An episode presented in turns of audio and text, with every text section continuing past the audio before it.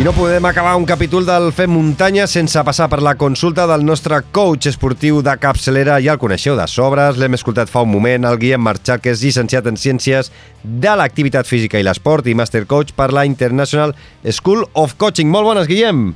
Molt bones, Xavi, família muntanyera. A veure, l'últim especial eh, que vam gravar ara fa, crec que qüestió de 10 dies, si no recordo malament, que parlàvem eh, sobre la nostra participació solidària a la Marató de Barcelona, vam parlar d'un concepte que m'agradaria recuperar i que ja vam dir que ho faríem en el eh, proper capítol, que és doncs, el que estem fent ara mateix. És la zona de confort. Eh, a veure, què és això? Perquè és que no paro d'escoltar-ho com si fos, no sé, alguna cosa negativa o dolenta i no ho acabo d'entendre. De, a veure si sortim de, de, de dubtes doncs no, no és dolent ni negatiu perquè si estàs confortable vol dir que t'hi sents bé i que jo sàpiga tothom vol perpetuar aquesta sensació de benestar, no? Val, d'acord, eh, Guillem, però és i per què se'n parla tant eh, de la zona de confort? Bàsicament és, és un estat psicològic eh, en, en el que ens sentim còmodes, sense por o inseguretats que puguin afectar el nostre estat mental.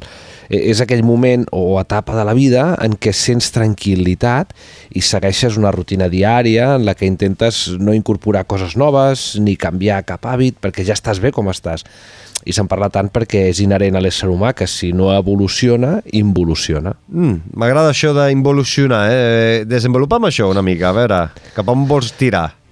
Doncs mira que la nostra ment i el nostre cos tendeix a la meostasi, és a dir, a l'equilibri perquè res no canvi per garantir la supervivència de l'espècie. Això és un comportament molt animal, eh, del que som però com nosaltres teòricament, i no en molts casos, això està clar, tenim la capacitat de raonar, tenim la capacitat també de sentir satisfacció, plaer, alegria o tot el contrari. Això significa que si no perseguim sentir-nos realitzats, els resultats eh, no és quedar-nos igual, sinó sentir-nos insatisfets. I, I ens pots posar un exemple, Guillem? Perquè tan teòric potser ens perdem una miqueta, eh? o com a mínim jo m'hi perdo. A aquestes alçades ja, ja, ja, no, ja no toco ja ni quarts ni hores.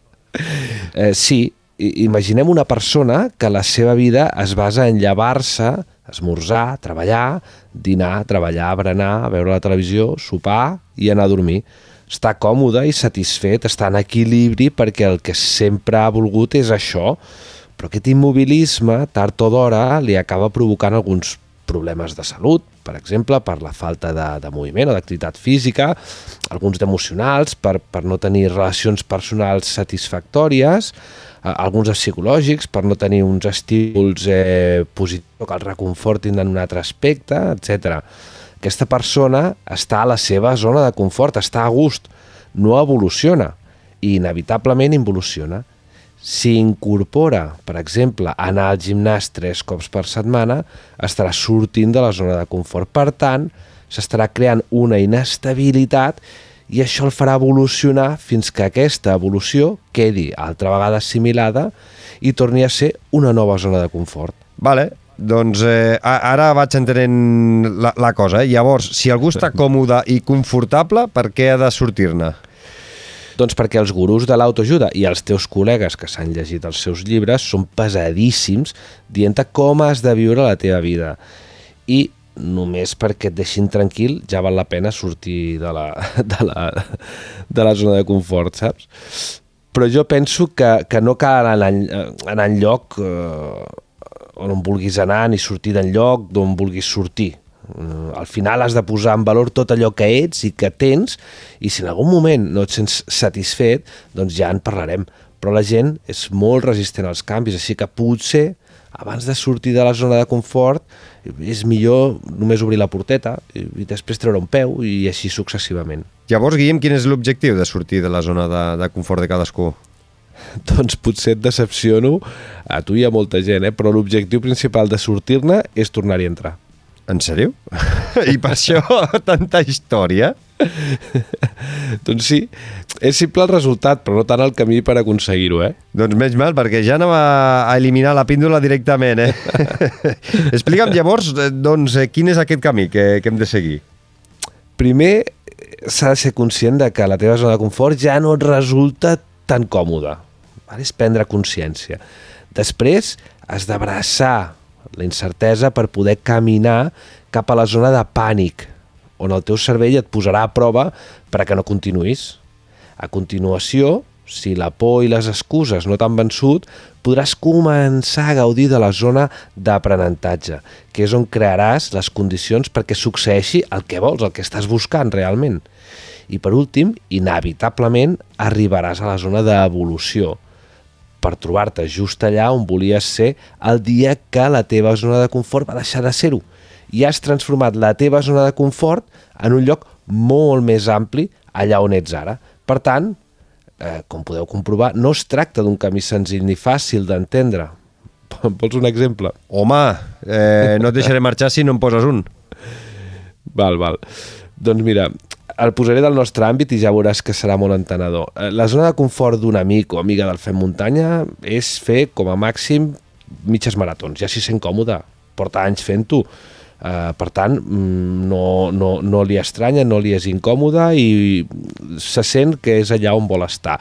Però, de cop i volta, uh, es comença doncs, a avorrir, a avorrir una miqueta. Per tant, aquest confort ja no és tal, perquè hi ha aquest punt d'avorriment així que decideix que potser estaria bé eh, provar una marató.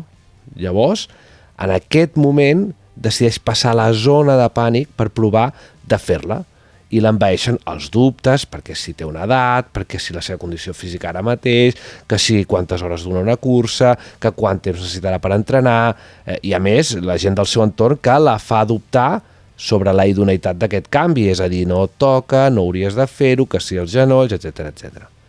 Ella no fa cas i passa a la zona d'aprenentatge, on parla amb gent com ella que ja fa maratons. Es fa una prova d'esforç i contracta els serveis de professionals que la poden ajudar i acompanyar en aquest procés. Per últim, quan es veu preparada, s'inscriu i fa la seva primera marató. A partir d'aquell moment, ja no té una zona de confort petita de 21 quilòmetres, sinó que l'ha ampliat a una zona més gran de 42 quilòmetres i es sent plena i contenta. Altre cop torna a estar a la seva zona de confort, aquella que prèviament ja l'havia avorrit una miqueta, però ara és més consistent, més gran i és a la que vol estar. Llavors, Fins... llavors clar, eh, podem entrar no? en una zona d'un bucle sense fi. Correcte, sí, sí, és, és un sistema fractal que mai s'acaba perquè cada cop que amplies la teva zona tendeixes a assimilar-la. Sí, és, és com allò que et diuen que si sempre fas la mateixa distància amb el mateix ritme, al final deixaràs de rendir o d'obtenir l'objectiu que busques. Allò que un dia va ser una millora, al final acaba no sent res per passar a empitjorar els teus temps, a empitjorar la teva condició, etc etc. Doncs és exactament el mateix, sempre has d'anar creixent una miqueta més vale? uh, per aconseguir l'homeostasi. Aquesta eh, quan l'aconsegueixes ja no et permet evolucionar, així que hauràs de tornar a ampliar la teva zona una miqueta més. Però tot i que sembli que això no té aturador, vull tranquil·litzar-te, eh, tu i els nostres oients. Sí, sí, estic neguitós. No penseu, sí, clar, perquè no penseu que si no us pareu de moure caureu en la insatisfacció.